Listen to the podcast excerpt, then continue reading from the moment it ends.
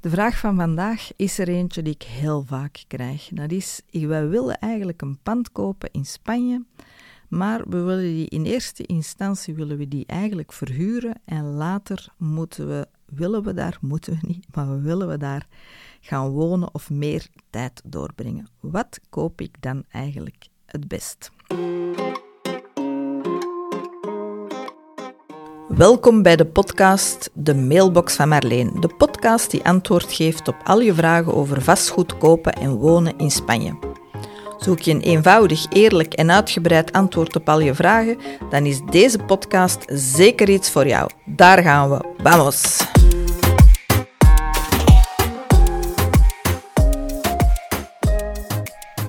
Wel, er is geen eenvoudig antwoord op. Um, Vandaag iets kopen dat goed in de verhuur ligt, dat wil zeggen dat je maximaal moet rekening houden met wat jouw huurders willen. En jouw huurders, die willen graag zo dicht mogelijk bij zee zitten, die willen panoramisch zeezicht hebben en die willen zeker een groot zwembad hebben. En misschien is dat helemaal niks dat jou aanspreekt. Dus dat is al het eerste aandachtspunt.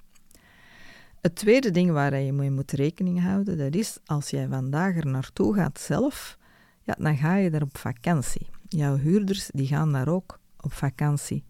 En als je op vakantie gaat, wat doe je dan? Ja, dan besteed je je tijd totaal anders dan wanneer je gewoon ergens leeft of woont. Je hebt ook niet zoveel spullen. Die kasten zijn allemaal niet zo ruim in die vakantiewoningen. Dus je hebt eigenlijk een ander type woning nodig als je in Spanje gaat wonen dan als je er vakantie gaat houden. Bij Azul, ons vastgoedbedrijf, zijn we ongeveer met 20 mensen en als de mensen bij ons komen werken in Spanje, vaak beginnen ze dan met een pand te huren of te kopen dicht bij zee. Maar eens als ze zich thuis voelen in Spanje, dan is dat pand te klein en dan gaan ze dat verkopen. En waar gaan ze dan zitten? Verder van zee. Want je krijgt nu eenmaal meer bakstenen voor hetzelfde geld als je verder gaat zitten.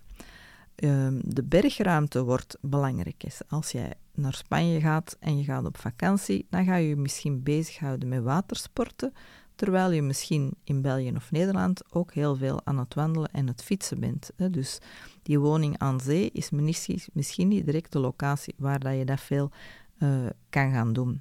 En je moet ook rekenen, als je vandaag uh, die woning koopt om te verhuren, ja, hoe lang duurt het voordat je die werkelijk gaat bewonen? Hè? Dus als dat binnen 20 jaar is, dan is het misschien handiger van de woning uh, vandaag uitsluitend te kiezen op vakantieverhuur en eigen gebruik. En binnen een aantal jaren dan die woning terug te verkopen. Ondertussen ken jij Spanje beter en kan je dan ook um, beter weten waar je in Spanje voor langere tijd wil verblijven.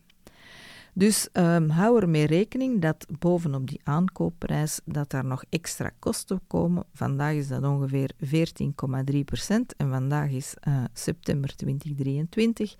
Dus die kosten die moet je ook nog kunnen terugverdienen. Met andere woorden, je moet het pand lang genoeg bijhouden om er zeker van te zijn dat je die waardevermeerdering, dat je die eruit hebt en dat de mensen dan ook wel degelijk nog iets extra overhouden aan die aankoop.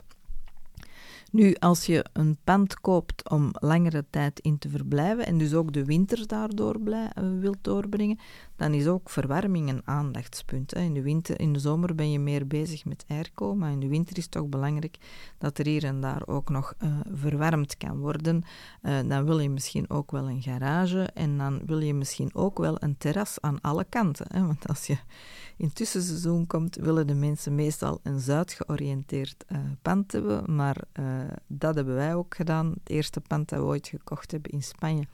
Zuidwest-locatie, zoals alle buitenlanders. Ehm, maar eens dat we dan in Spanje gingen wonen, een Noordoost-locatie, zoals alle Spanjaarden. Je wilt alleen maar de zon morgens zien en voor de rest wil je ze helemaal niet meer op je terras zien. Dus dat is ook het type vastgoed dat je koopt om vakantie te houden of er te gaan wonen, is totaal anders. Um, dan je wil ook terrassen op verschillende plaatsen enzovoort.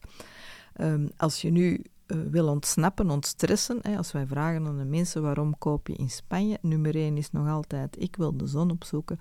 En nummer twee is um, omwille van de leuke Spaanse uh, lifestyle. En nummer drie is omdat het in Spanje nog altijd zo interessant is om te kunnen kopen, omdat de BTW lager is. Nu, die lifestyle, als je vakantie houdt of er woont, die kan nog wel eens uh, verschillen. Dus um, ook dan weer heb je een ander type pand nodig.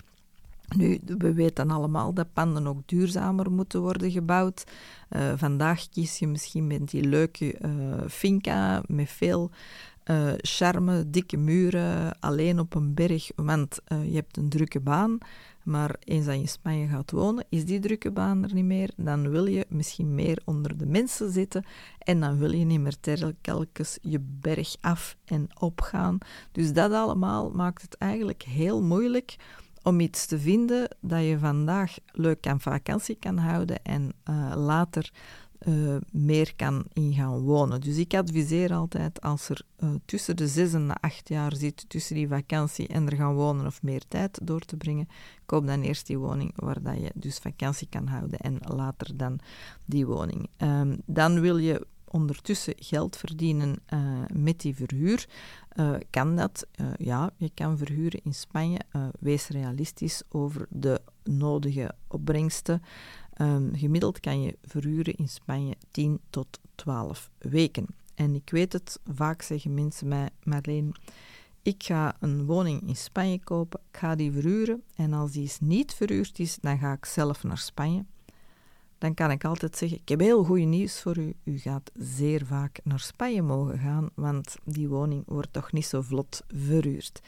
En uiteraard zijn wij makelaars en wil ik u graag begeleiden in de aankoop van een woning, maar wel met realistische verwachtingen. Ik wil dat u op termijn nog altijd uh, tevreden bent van uw aankoop. En als ik u eens op een luchthaven tegenkom of een event van ons, dat u mij spontaan komt zeggen dat u nog altijd een heel tevreden klant bent. Dus um, iets kopen vandaag om uh, later meer tijd door te brengen en ondertussen te verhuren, het is het ideaalbeeld, maar daar hangen toch wel wat daken en ogen aan. Is het realistisch? Ja, het kan zeker. Um, hou rekening met um, hoe lang later is. Hè. Als je genoeg tijd hebt, uh, zou ik aanraden nu kopen, terugverkopen en een nieuw kopen tegen dat je op pensioen gaat. Als er niet zoveel tijd niet meer tussen zit, dan zal u toch wel keuzes moeten maken. En dan zou ik zeggen, ga dan voor wat jij op lange termijn belangrijk vindt. En hou er dan rekening mee dat je het pand iets minder gaat verhuren.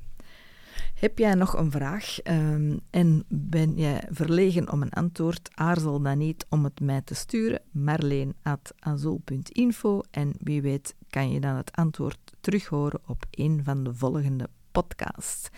Ik wens jou nog een fijne werkweek.